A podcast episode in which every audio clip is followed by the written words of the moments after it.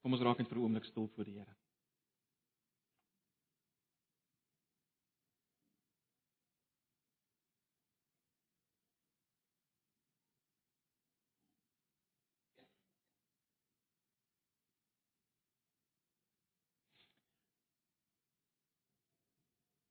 Ja Here, ons wil kom erken ver oggend saam met dit wat ons gesing het dat ons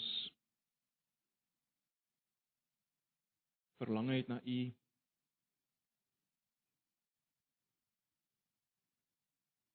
En dat ons weet U ken ons ook ver oggend, U ken ons honger, ons dors, U ken ons harte, ons gedagtes. U weet alles, Here.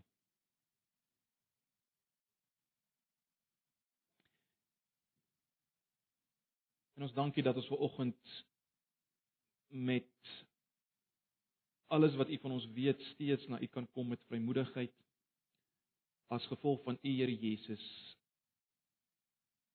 Ons hoëpriester die een wat mens geword het soos ons medelee het met ons swakhede een wat van ons intree by die Vader.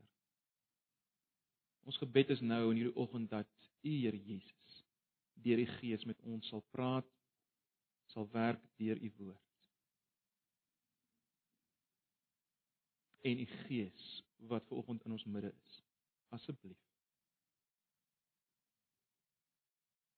Ons vra dit net in Jesus se naam. Amen.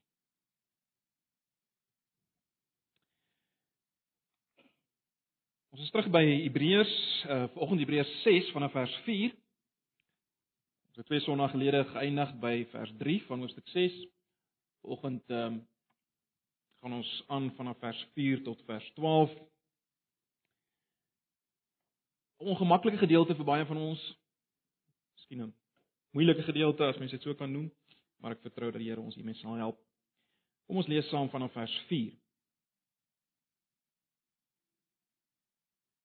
Wanneer mense een keer deur God verlig is, die hemelse gawe ontvang het en deel gekry het aan die Heilige Gees, die goeie woord van God leer ken het en die kragte van die toekomstige wêreld ondervind het en dan nogtans afvallig geword het, is dit onmoontlik om hulle weer tot bekering te bring. In hulle self kruisig hulle immers weer die seun van God en maak hom in die openbaar tot 'n bespotting. Dit is soos met grond wat die reën indrink wat dikwels daarop val as dit bruikbare gewasse voortbring vir die wat dit bewerk word deur God geseën. Maar as hy doringstruike en dussels oplewer, is dit waardeloos en is die tyd naby dat God dit vervloek. Die uiteinde daarvan is die vuur. Maar geliefdes, al praat ons in hierdie trant is ons oor julle oortuig van beter dat julle gered sal word. God is nie onregverdig nie, hy sal julle werk nie vergeet nie en ook nie die liefde wat julle vir sy naam betoon het deurdat julle julle medegelowiges gedien het en nog dien. Dit is ons vurige wens dat elkeen van julle end uit dieselfde ywer as vroeër aan die dag sal hê totdat die dinge waarop jy hoop vervul is. Jy moet dus nie traag word nie, maar die voorbeeld navolg van die wat deur geloof en geduld deel gekry het aan die dinge wat God beloof het.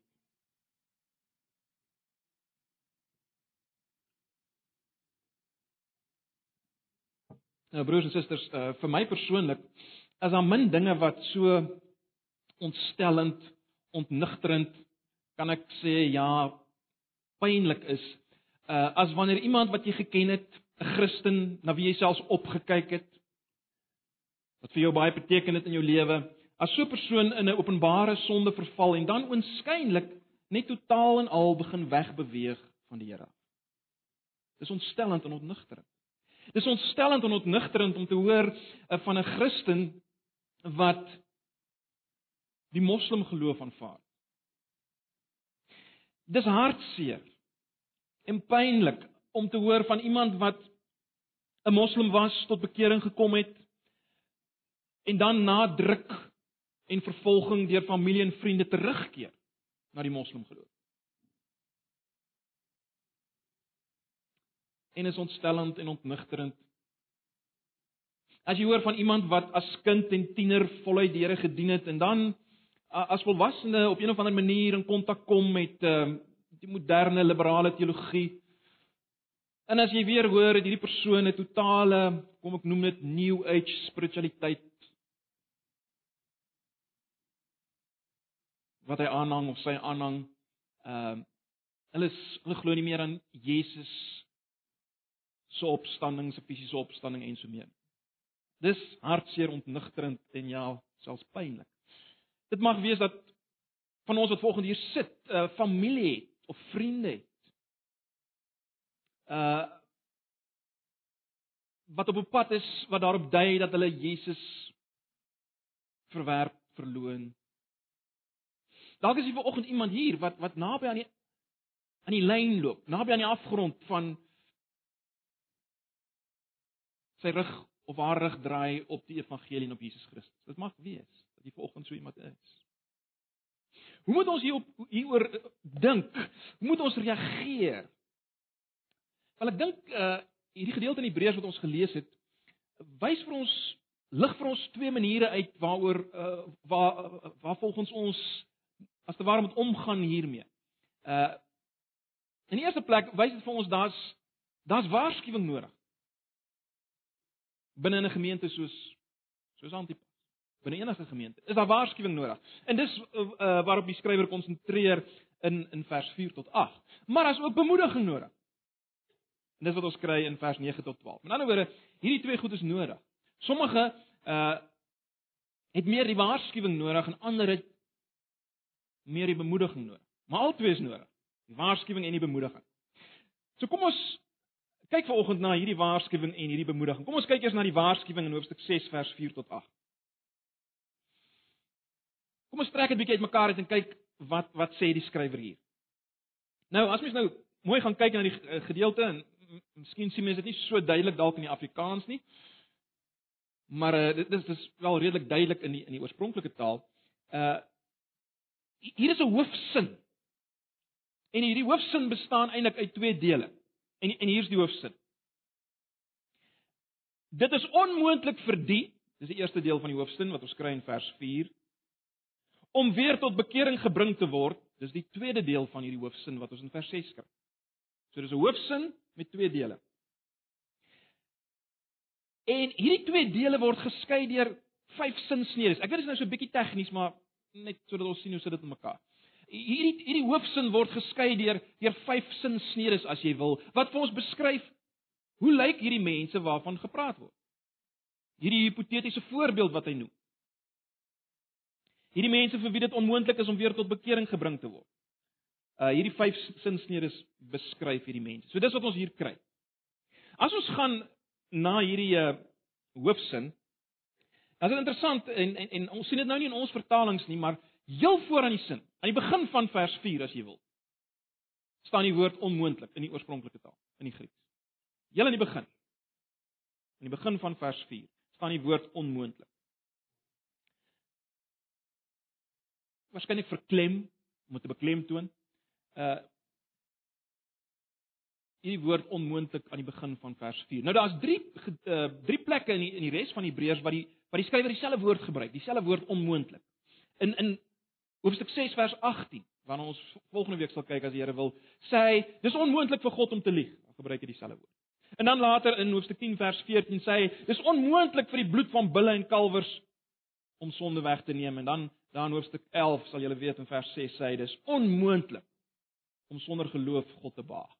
So ons kan in kort sê, uh as die skrywer sê dis onmoontlik dan beteken dit net eenvoudig wat dit sê. Iets kan nie gebeur nie. Dis wat hy sê, dit kan nie gebeur nie.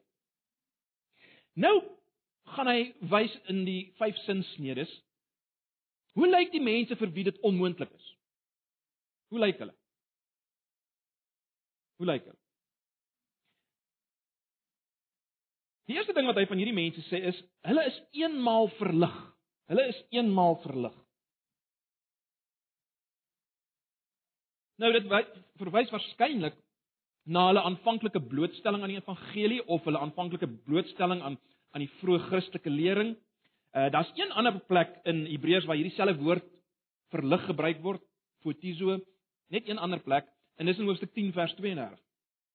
Luister 'n bietjie na die 53 vertaling, daar hoor ons dalk die beste.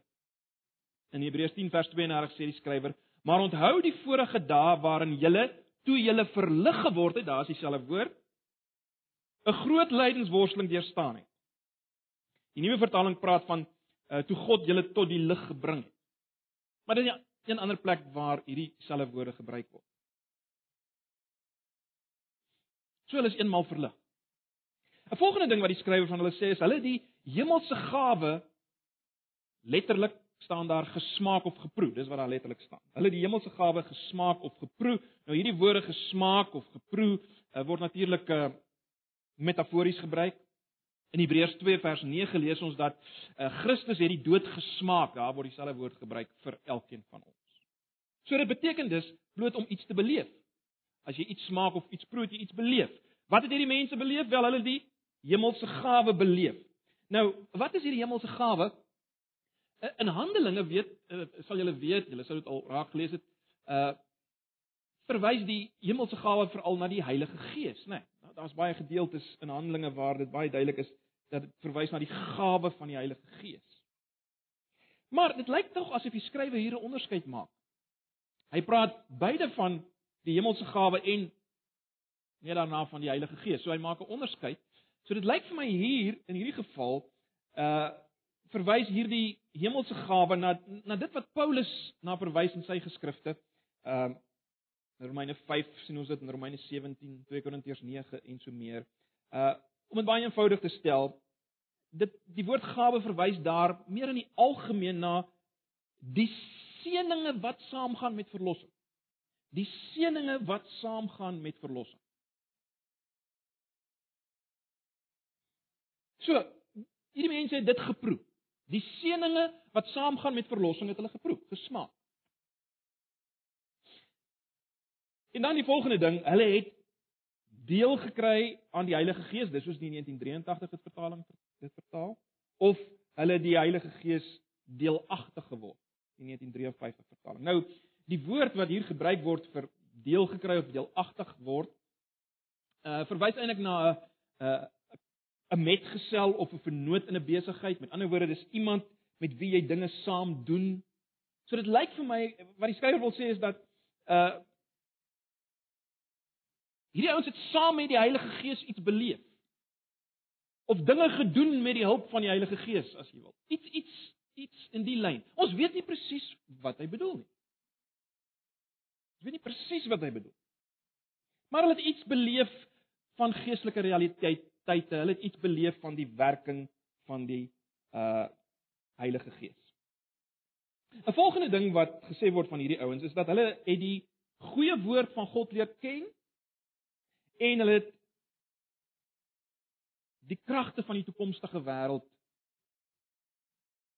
letterlik weer is die woord wat hy gebruik geproe. Dat die woord van God proe, leer ken en die kragte van die toekomstige wêreld. Nou, hierdie twee goed, waarskynlik moet ons dit saam sien. Uh die woord van God en sy krag uh gaan gaan saam. Is 'n noue verband met mekaar. Interessant in Hebreërs self word die woord van God en die, die krag van die woord van God uh gaan nou saam. So ek dink ons moet dit saam sien as 'n as 'n eenheid. Want die twee goed loop saam in die boek Hebreërs self. Baie interessant ook is dat die taal wat die skrywer hier gebruik herinner 'n mens aan En dit wat in die woestyn gebeur het, nê, nee, waarna ons gekyk het in Eksodus. Uh die, die ouens of laat ek so sê, meer direk, ons het nie so seer daarop gefokus in Eksodus nie, maar in in hoofstuk 3 word daarna verwys na die ouens wat gesterf het uh in die woestyn nadat hulle die krag van God se woord gesien het. Gesien het wat God gedoen het, nê. Nee. Hulle het sy magtige dade gesien. Kyk maar weer na hoofstuk 3 vers 7 tot 11. So op een of ander manier weer eens. Op een of ander manier het hierdie ouens iets gesmaak van die krag van God se woord. Een of ander manier het hulle iets daarvan beleef, ervaar. En dan die die laaste ding wat gesê word van hierdie ouens, ek kan amper sê dit is op die klimaks van hierdie string sinsnede. Dis kom hierdie klousule as hulle afvallig word, vers 6. As hulle afvallig word. Nou, ons moet hierdie frase sien as deel van die res van wat hy nou gesê het. Met ander woorde, mens sou dit kon lees as hulle al hierdie dinge beleef het en dan nogtans afvallig word. En dan nogtans afvallig word. Dis maar waarskynlik hoe ons dit moet uh, vertaal. Nou die werkwoord wat hier gebruik word vir afvallig word, wel, dit beteken eintlik bloot om af te dwaal. Maar dit wat die skrywer net daarna sê, die feit dat hulle die seun van God weer kruisig en hom in die openbaar tot bespotting maak, dui daarop dat hierdie afvallig word iets geweldig ernstig is, iets drasties is, né? Nee, dit gaan hier oor die verwerping van Christus self.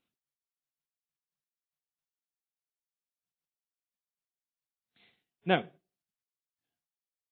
Wat is onmoontlik vir die mense wat hy nou beskryf het met hierdie sinsnede? Wat is onmoontlik vir hulle?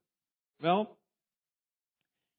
dis onmoontlik om hulle weer tot bekering te bring. Dis wat hy sê, is dit nie? En hy gebruik die woordjie weer, Pauline, hy gebruik die woordjie weer. Met ander woorde, eh, hierdie ouens het op 'n stadium tot bekering gekom en en en, en nou is dit onmoontlik vir hulle om weer tot ware bekering te kom. Dis wat hy sê. En dis die frase wat ons baie keer paniekerig maak, né? Ek meen, wat bedoel hy presies? Hoe kan die skrywer so iets sê? Hoe kan hy so iets sê? Nou, dit wat die skrywer hier sê moet natuurlik gesien word in die lig uh, die breëre lig van Hebreërs, né? Nee, Julle sal weet in in hoofstuk 6 vers 1 het hy gesê bekering is een van die fondasies. Die ABC. Die melkkos van die Christelike lewe. Dit staan julle aan die begin. En dan in die res van Hebreërs dis waar die hele boek in gaan is, is die feit dat daar's net een tot wie jy kan bekeer en dis Jesus omdat sy offer finaal was en volkome was die enigste geldige offer vir sonde. Bekering is net moontlik na Jesus toe, né? Nee. En daarom daarom sê hy is bekering onmoontlik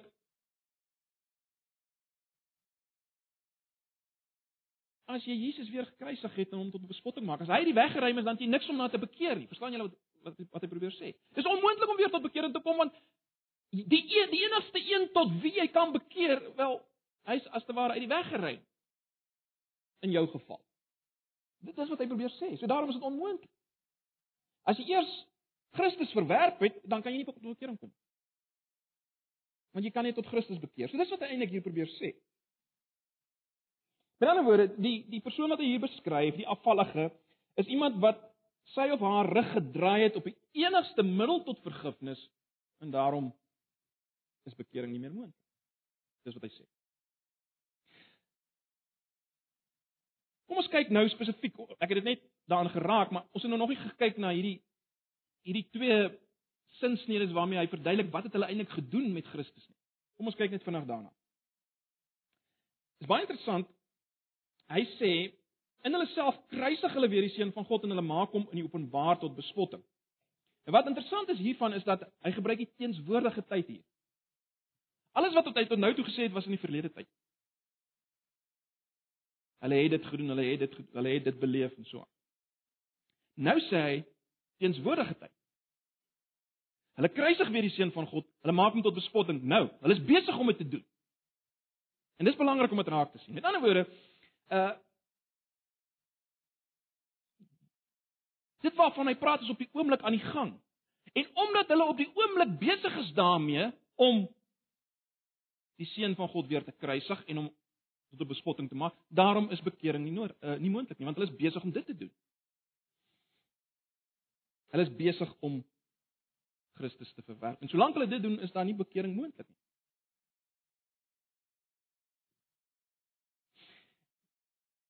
Die beelde wat hy hier gebruik is is is, is geweldig kragtig en en eintlik ironies as jy daaraan dink, né? In plaas daarvan dat hierdie ouens seën ontvang deur dit wat Christus aan die kruis gedoen het, plaas hulle self aan die kant van die ouens wat daar by die kruisiging ontslae wou raak van Jesus. Onthou uit 'n menslike oogpunt, hoekom het die mense Jesus gekruisig? Hulle wou hom wegkry. Hulle wou ontslae raak van hom, so hulle kruisig hom. Nou hierdie ouens, die afvalliges waarvan hy hier praat, doen dit weer met Jesus. Hulle wil ontslae raak van hom. En in plaas daarvan dat hulle ter wille van sy naam gespot word, soos in hoofstuk 13 beskryf word, plaas hulle hulle self aan die kant van die ouens wat by die kruisiging Jesus gespot het terwyl hy daar hang. Julle kan maar gaan lees daar Matteus 27 eh, vers 39 tot 44. Nou, broers en susters, die skrywer sê nie presies wat het hulle gedoen om dit te beskryf as die kruisiging van die seun van God en die openbare bespotting van hom. Hy sê nie presies hoe lyk dit nie, né? Nee. Maar dis hoe hy dit beskryf.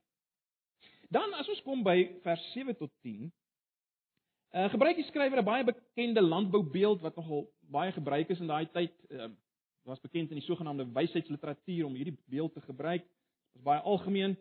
Uh en 'n mens moet nou baie versigtig wees om nie in elke onderafdeling van hierdie beeld iets in te lees nie. Dis dis 'n een eenheid, né? Nee. Daar's 'n hoofpunt wat hy wil maak in hierdie beeld wat hy gebruik van die grond ensovoorts en die reën. Wat is dit? Wel, wat hy eintlik maar net sê is dit die mense wat hy nou beskryf het is soos grond wat bewerk is vir die doel om vrug uh, om om om om om om uh uh gewasse op te gewasse op te lewer wat jy kan gebruik, nuttige gewasse. So hierdie grond is bewerk daarvoor. Hierdie grond het reën ontvang en die, en en die hele doel waarvoor die grond bewerk is is dat dit vrugbare gewasse moes voortbring, maar dit het, het dorings en distels voortgebring, so dis nutteloos. Dis die hele gedagte.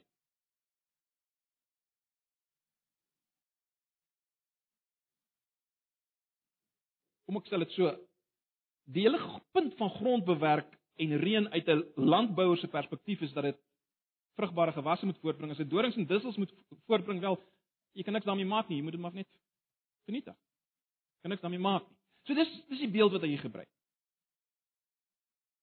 Nou die die volgende gedeelte, vers 9 tot 12, wys eintlik implisiet wat is die nuttige gewasse wat die Christen moet voortbring. Implisiet sê die volgende gedeelte, wat is die nuttige gewasse wat die Christen moet voortbring? Maar goed, kom ons gaan kyk nou na die bemoediging. Kom ons kyk na die bemoediging. Dit was die waarskuwing. Dit was die waarskuwing. Kom ons kyk na die bemoediging in vers 9 tot 12. Julle sou opgelet het in vers 9 tot 12 verander die skrywer se hele trant, né? Nee. Hy praat nog met dieselfde ouens. Maar jy, vir die eerste keer spreek hy hierdie gemeente aan as geliefdes. Baie interessant. Hy spreek hulle aan as geliefdes. Kyk na vers 9. Maar geliefdes, al praat ons in hierdie trant is ons oor oor julle oortuig van beter dat julle gered sal word. So hoe bemoedig hy hulle? Hoe bemoedig die skrywer hulle? Wel, hy sê hy's oortuig dat hulle gaan red gaan word. Hy's oortuig beter dinge is van hulle waar as wat hy nou net oor gepraat het. Beter dinge is waar van hulle. Dis hoe hy hulle bemoedig. En terloops hierdie hierdie woord oortuig druk nie net 'n opinie uit nie, dit dit dui daarop dat hy is hy's absoluut oortuig daarvan, hoor, dat hulle gered sal word. Die vraag is dan onmiddellik weer nou maar goed, hoe kan hy so oortuig wees dat hulle gered gaan word? Wel, om dit eenvoudig te stel, hulle die vrug openbaar wat daarop dui dat hulle steeds in Jesus is. Met ander woorde, hulle gedrag wys dat hulle nie verlore is nie, dat hulle gered sal word. Kyk na vers 10. God is nie onregverdig nie, vers 10. Hy sal julle werk nie vergeet nie en ook nie die liefde wat julle vir sy naam betoon het, deurdat julle julle medegelowiges gedien en nog dien nie. Kyk 'n bietjie na daai die woorde wat eh, wat daar uitgelig word. Hy praat van van hulle werk. Nou, die werk waarvan hier gepraat word is waarskynlik dit wat hulle gedoen het wat voortvloei uit hulle geloof in die Here. Ons sal net nou sien ander gedeeltes in die Nuwe Testament praat sommer prompt uit van die werk van julle geloof. So dis waarskynlik waarna hy verwys. Dit was waar van hulle. Daar was by hulle hierdie werk. Dan was daar by hulle liefde vir sy naam. Nou die naam van Jesus staan vir wie hy is. Uh dit staan ook vir sy reputasie. So hierdie ouens het die eer van Jesus liefgehad. Jesus self in sy eer, sy naam. En dit het gewys deurdat hulle medegelowiges gedien het en nog dien. sien julle dit? Met ander woorde, daar was by hulle opofferende Christelike broederliefde, as jy wil. Baie belangrik, broers en susters, wat ons met ander woorde hier sien is dat die afvalliges waaroor hy nou net gepraat het, word beskryf in terme wat hulle beleef het. Hierdie mense van wie oortuig is dat hulle gered sal word, die gemeente met wie hy praat, hy beskryf hulle nou in terme van wat hulle geproduseer het. Ander ouens is beskryf in terme van wat hulle beleef het, hierdie ouens in terme van wat hulle geproduseer het. En dit is baie belangrik. Want oor en oor maak die Nuwe Testament duidelik, die hele Bybel maak dit duidelik dat ons gedrag en ons of ons vrug, as jy wil, wys of ons in Christus is of nie. En terloops in Johannes 10 wys die Here Jesus, dis onmoontlik om vrug te dra as jy nie in hom is nie. Onthou julle dit? Uh, julle kan niks doen nie sê Jesus. Julle kan niks doen sonder my nie. Maar as julle my is, bly in my, dan dra julle vrug. En baie interessant as julle nou na Johannes 10 gaan kyk, dan sal julle sien daai vrug wat hy dan verder beskryf is niks anders nie as liefde. Liefde. So die hele Nuwe Testament is vol daarvan. So baie belangrik, uh, miskien moet ek net dit sê. As hier staan dat die die Here sal julle werk nie ver, vergeet nie, moet ons nie dink o aarde maar ewe skielik is hier nou weer sprake van 'n uh, 'n redding deur goeie werke nie. Nee, dit dis nie waaroor dit gaan nie. Dis nie sprake van redding deur werke nie. Nee, hierdie werke is die uitvloeisel van ware geloof. Dis waarvoor ons gered word. In Efesiërs 2 vers 10 lees ons dat ons is nuwe skepsels vir hierdie doel. Om te te leef, te wandel, te leef in die werke wat God vir ons voorberei het. Dis waar dis waar redding gaan om te leef daarin. So sonder sonder hierdie dinge kan jy baie dinge beleef maar nie gered wees. Dit is julle punt. Kom ek stel dit anders. Dis so seker dat die Christen vrug sal openbaar in sy lewe. Dat God regverdiglik vers 10 daarvolgens sal kan oordeel. So seker is dit. Kom ek gee twee voorbeelde in die Nuwe Testament. 2 Korintiërs 5 vers 10. Luister 'n bietjie na 2 Korintiërs 5 vers 10. Paulus sê, ons moet immers almal voor die regterstoel van Christus verskyn sodat elkeen kan ontvang volgens wat hy tydens sy aardse lewe gedoen het. Of dit goed was of kwaad. Is dit redding deur werke? Nee. Jy sien is so seker dat die die persoon wat in Christus is, dinge sal doen dat God regverdiglik uiteindelik daarvolgens sal kan oordeel. 'n geval wat dit baie duidelik na vore kom is is Matteus 25, né? Nee. Matteus 25 uh daarvan vers 31 af as julle ken die gedeelte uh waar uh, Jesus beskryf hoe die seun van die mens op sy troon sal sit en die mense sal geskei word as skape en bokke voor hom. En luister wat sê Jesus of dan die koning soos hy dit beskryf vir hierdie skape. Ek lees Matteus 25 vanaf vers 34. Dan sal die koning vir die aan sy regterhand sê: "Kom julle wat deur my Vader geseën is, die koninkryk is van die skepping af vir julle voorberei, neem dit as erfenis en besit." En dan sê hy: "Want ek was honger en julle het my iets gegee om te eet. Ek was dors en julle het my iets gegee om te drink. Ek was vreemd, was 'n vreemdeling en julle het my gehuisves. Ek was sonder klere en julle het vir my klere gegee. Siek en julle het my verpleeg. In die tronk en julle het my besoek." Dan sal die wat die wil van God gedoen het hom vra: Here, wanneer het ons u honger gesien en u gevoed of dors en u iets gegee om te drink? En wanneer het ons u 'n vreemdeling gesien en u gehuisves of sonder klere en vir u klere gegee? Wanneer het ons u siek gesien of in die tronk u besoek? En die koning vers 40 van Matteus 25 en die koning sal hulle antwoord: Dit verseker ek julle, vir soverre julle dit aan een van die geringste van hierdie broers van my gedoen het, het julle dit aan my gedoen. Geweldig, is dit nie? So die deurslaggewende ding volgens Jesus hier op die oordeelsdag as die skape en die bokke geskei word, sal dit wees wat die skape gedoen het waarvan hulle nie eens bewus was nie. Hulle is weet hulle doen dit eintlik. Waar kom dit neer? Liefde vir die medegelowiges. So Broers en susters, wat is die vrug wat sigbaar geword in hierdie mense wel om dit op te som? Liefde vir Jesus wat tot uiting gekom het in liefde vir medegelowiges en wat hulle gedoen het vir medegelowiges. Maar let nou op. Vers 11 van Hebreërs 6.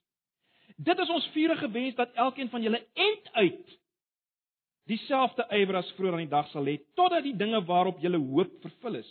Julle moet dus nie traag word nie, maar die voorbeeld navolg van die wat deur geloof en geduld deel gekry het aan die dinge wat God beloof het. En dis belangrik om dit raak te sien. Jy sien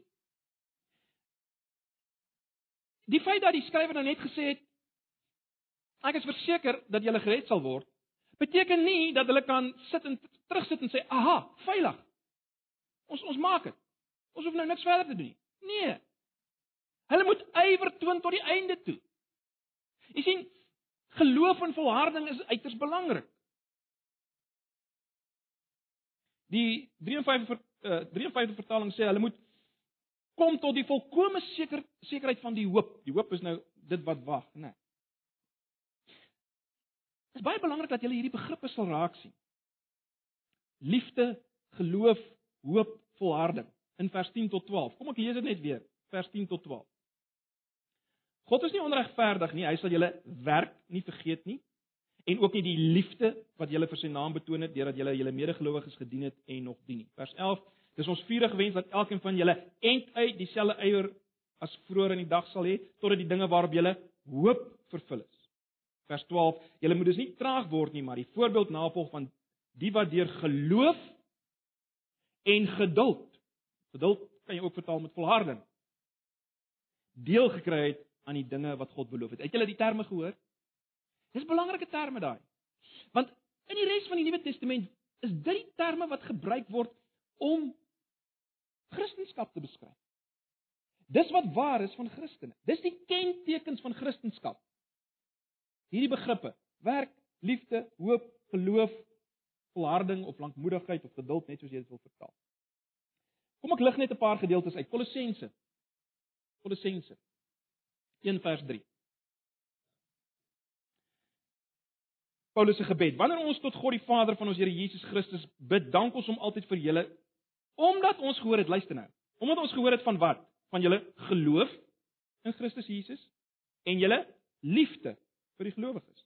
Vers 5: Hierdie geloof en liefde is gegrond op die hoop wat vir julle in die hemel bewaar word. sien julle, dis dieselfde terme wat gebruik word. So as Paulus dink aan hierdie ouens in Kolossense en hy hy dank God vir hulle dan dan's dit die dinge want hoekom? Want dis die dinge wat wys hulle behoort aan God. Kyk na 1 Tessalonisense 1 vers 2 tot 3. Ons dank God weer eens. Ons dank God altyd vir julle almal wanneer ons in ons gebede aan julle dink.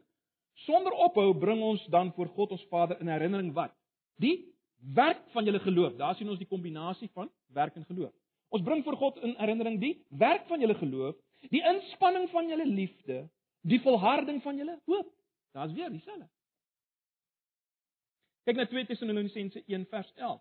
Daarom bid ons ook altyd vir julle. Mag ons God julle waardig maak vir die lewe waartoe hy julle geroep het en mag hy deur sy krag julle liefde vir die goeie en die werk van die geloof volkome maak. 1 Timoteus 6 vers 11. Maar jy man van God moet van hierdie dinge af wegvlug, streef na opregtheid, toewyding aan God en dan geloof, liefde, volharding en minsaamheid. 2 Timoteus 3 vers 10.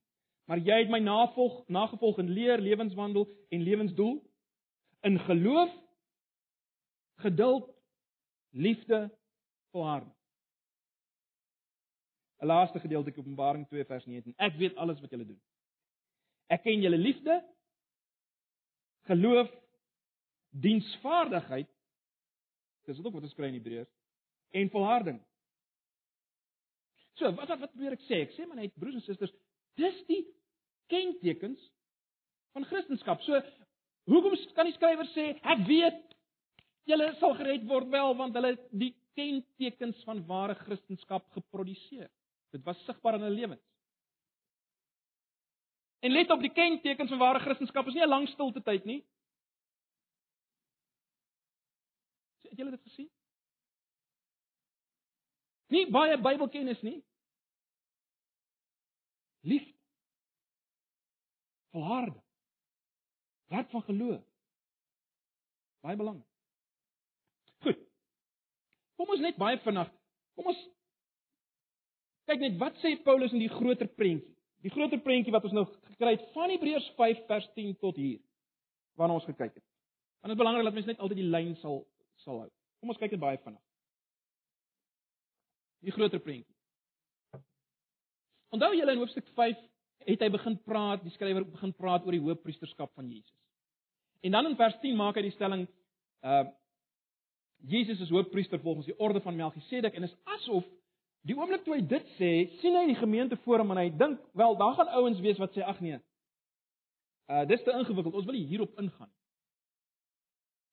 En dan begin hy waarsku en hy sê, wel, dit kan 'n aanduiding wees as jy so voel, kan dit 'n aanduiding wees dat jy bly by melkkos of by melk. En jy bly by die ABC en dis gevaarlik. 'n Mens kan nie bly by melk en by die ABC nie. Dit is onnatuurlik. Dit dit wys daar's iets fout. En hy beskryf natuurlik wat is hierdie melk en die ABC, bekering, geloof, doop, die ehm um, opstanding en die oordeel, né? Nee, dis die dinge wat hy daar beskryf. Maar hy sê jy kan nie albei bly nie. En uh, die feit dat jy nie wil meer verder gaan met Jesus nie, meer dink oor hom en sy hoëpriesterskap en wat hy gedoen het nie, dis gevaarlik. Let wel. Moet jy nie meer wil weet van Jesus. Dis gevaarlik. En dan kom ons by vers 4 wat hy as te ware met ander woorde wil wil insinueer dat as jy bly by die ABC en by die melk wel dit mag 'n aanduiding wees dat jy op die pad van afvalligheid is. En dis dodelik gevaarlik want luister, dan kan jy nie eers meer die ABC doen nie. Jy kan nie weet op bekering kom nie. So wees gewaarsku. Moenie julle rug draai op Jesus nie. Moenie julle rug draai op Jesus die hoëpriester nie. Alraai? Dis wat hy sê. Maar dan kom hy en hy bemoedig en hy sê wel Al praat ek so, ek weet by julle is daar die tekens dat julle in hierdie Jesus is. Maar klaar tot die einde toe gaan eintlik voort hiermee. So broers en susters, dis samevattend wat die skrywer in hierdie gedeelte sê. Dis wat hy sê. Kom ons bring dit bietjie nader in ons lyf. Kom ons maak 'n paar punte van toepassing wat ek dink tog belangrik is vir ons. 'n Paar punte van toepassing.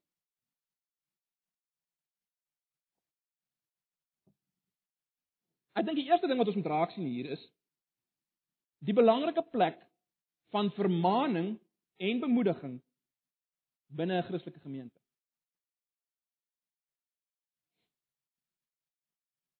Dis van ons wat vermaaning nodig het. As vir ons wat, wat vermaaning nodig het omdat ons stil staan by melkkos in die ABC, omdat ons begin losraak van Jesus, daar's da vermaaning nodig. Maar ander van ons moet bemoedig word. Dit is baie interessant, dikwels is dit juist die mense wat die meeste kentekens van ware Christendom vertoon, wat die bekommerdste is dat hulle verlore gaan sal gaan, is dit nie? Want hulle is sensitief. So hulle hulle is bekommerd. Uh hulle voel hulle hulle hulle stilte tyd is nie wat dit moet wees nie en hulle gebed, gebed is nie is nie op standaard nie en en dit maak hulle bekommerd. Wel, vir hulle moet ons bemoedig. Jy sien, beide hoort in 'n gemeente. So dis die eerste ding wat ons hier moet raak sien. Dan moet waarskuwing wees. En ek moet vanoggend waarsku is van julle wat op gevaar loop. Maar aan die ander kant, is van julle wat moet bemoedig word.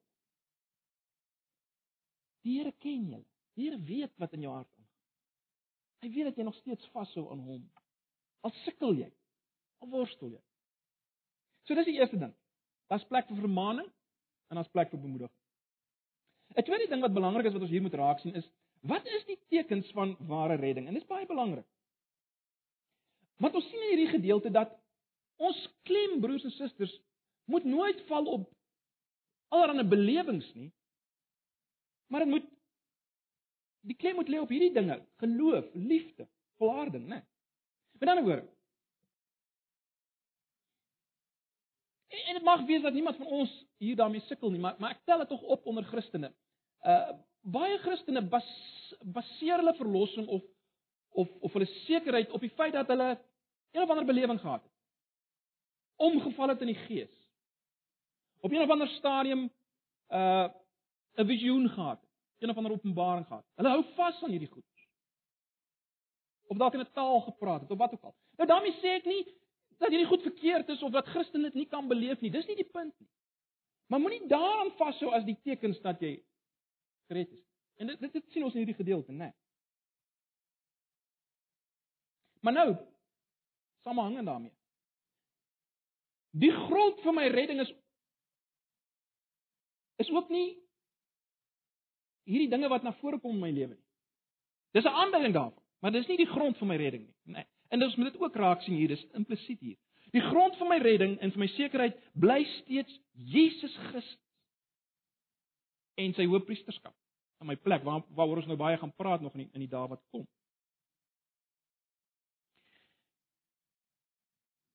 Iemand het eendag 'n beeld gebruik. Ek ek dink dit ek nog op universiteit was. Ek dink dit was een van my lektore ek, as ek reg kan onthou. Het 'n beeld gebruik en my altyd bygebly om om hierdie onderskeid te tref tussen tussen dinge wat in ons lewe na vore kom wat vir ons wys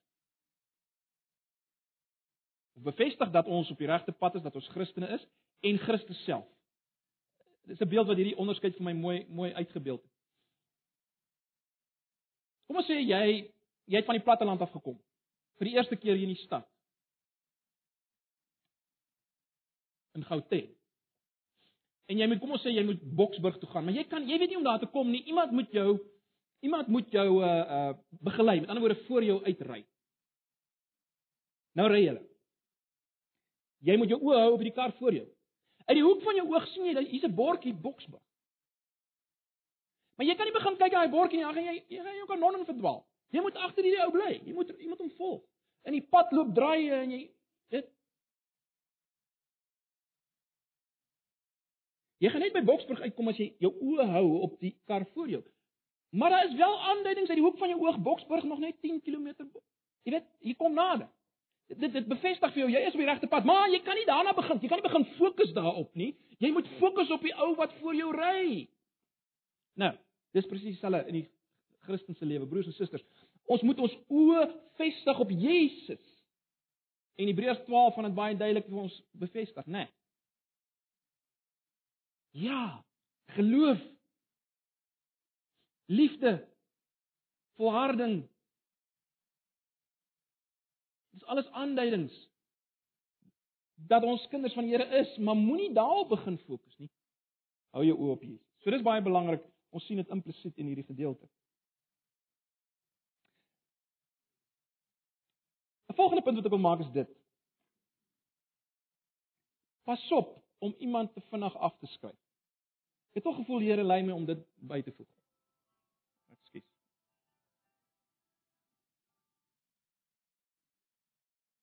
Dit moes nou nie gebeur het.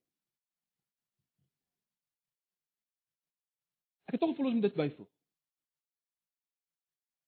Pas op om iemand vinnig af te skryf. Met ander woorde, pas op om te vinnig te dink iemand is in die kategorie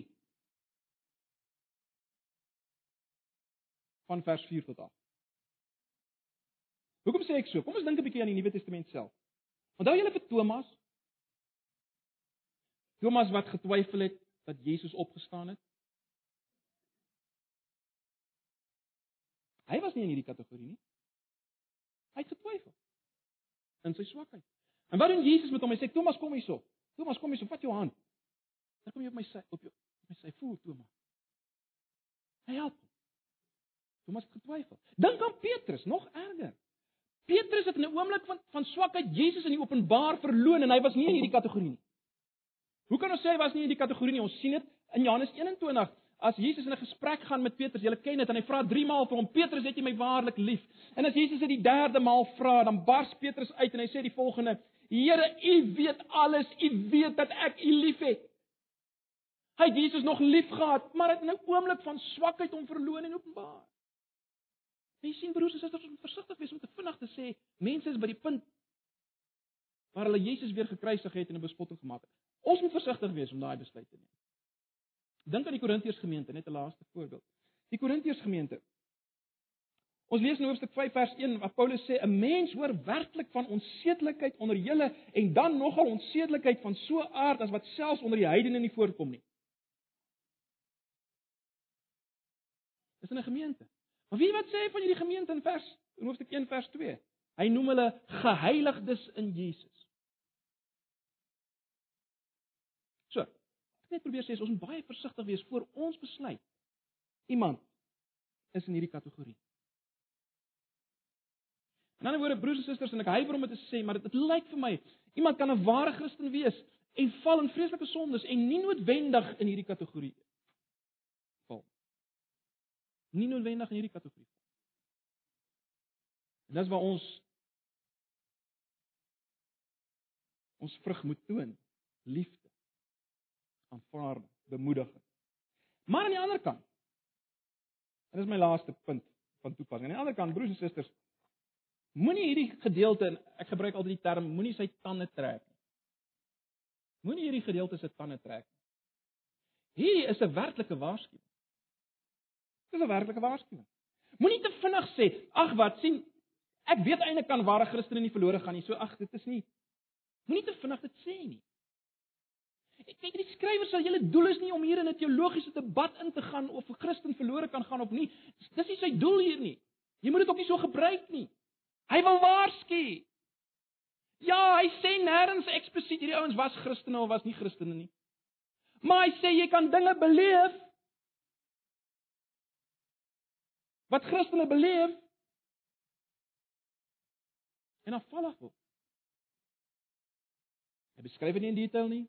Ons weet nie presies wat hy bedoel nie, maar is 'n werklike waarskuwing. Net soos die bemoediging werklik is. So al wat ek probeer sê is dit moenie die gedeelte se tande trek. Neem die waarskuwing ernstig op. Dis 'n ernstige waarskuwing, broers en susters. Moenie jou rug op Christus draai. Dis gevaar. Dis wat die skrywer probeer sê. Mens dink aan Simon Magus, né, nee, in Handelinge.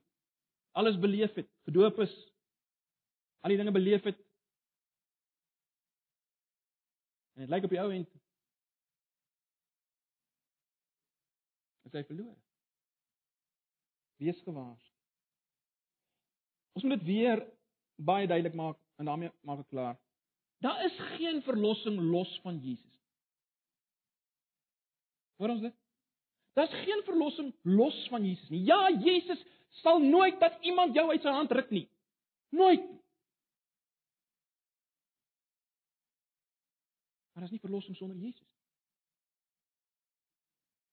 Jy kan nie gerus agteroor sit as jy Jesus, as jy 'n saak het met Jesus en sê, "Ag oh, wel, eenmal gered, altyd gered."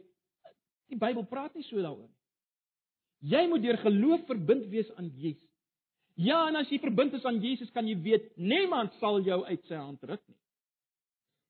Hulle hoor wat ek probeer sê. Ag, broers en susters. My gebed is dat die wat vanoggend vermaaning nodig het, die vermaaning sal hoor. Moenie bly by die ABC nie. Moenie bly by melkkos nie. Gaan dieper soek meer van Jesus.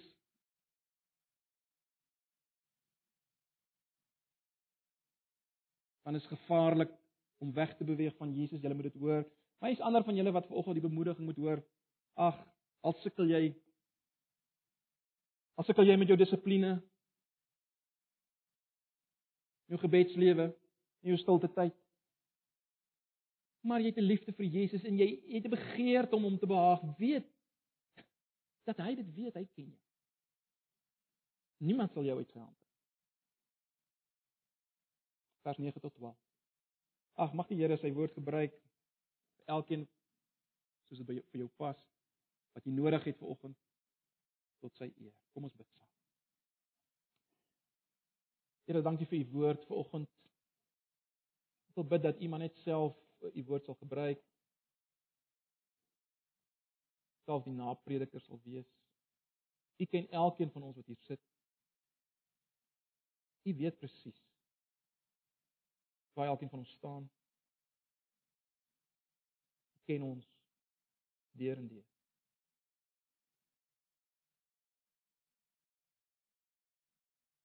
Ag Here, ek wil bid dat U in hierdie oggend Vader, dat deur u Gees sal vermaan waar vermaan moet word en sal bemoedig waar bemoedig moet word. Asseblief. Ons vra dit net in Jesus se naam. Amen. Kom ons sluit af met 'n laaste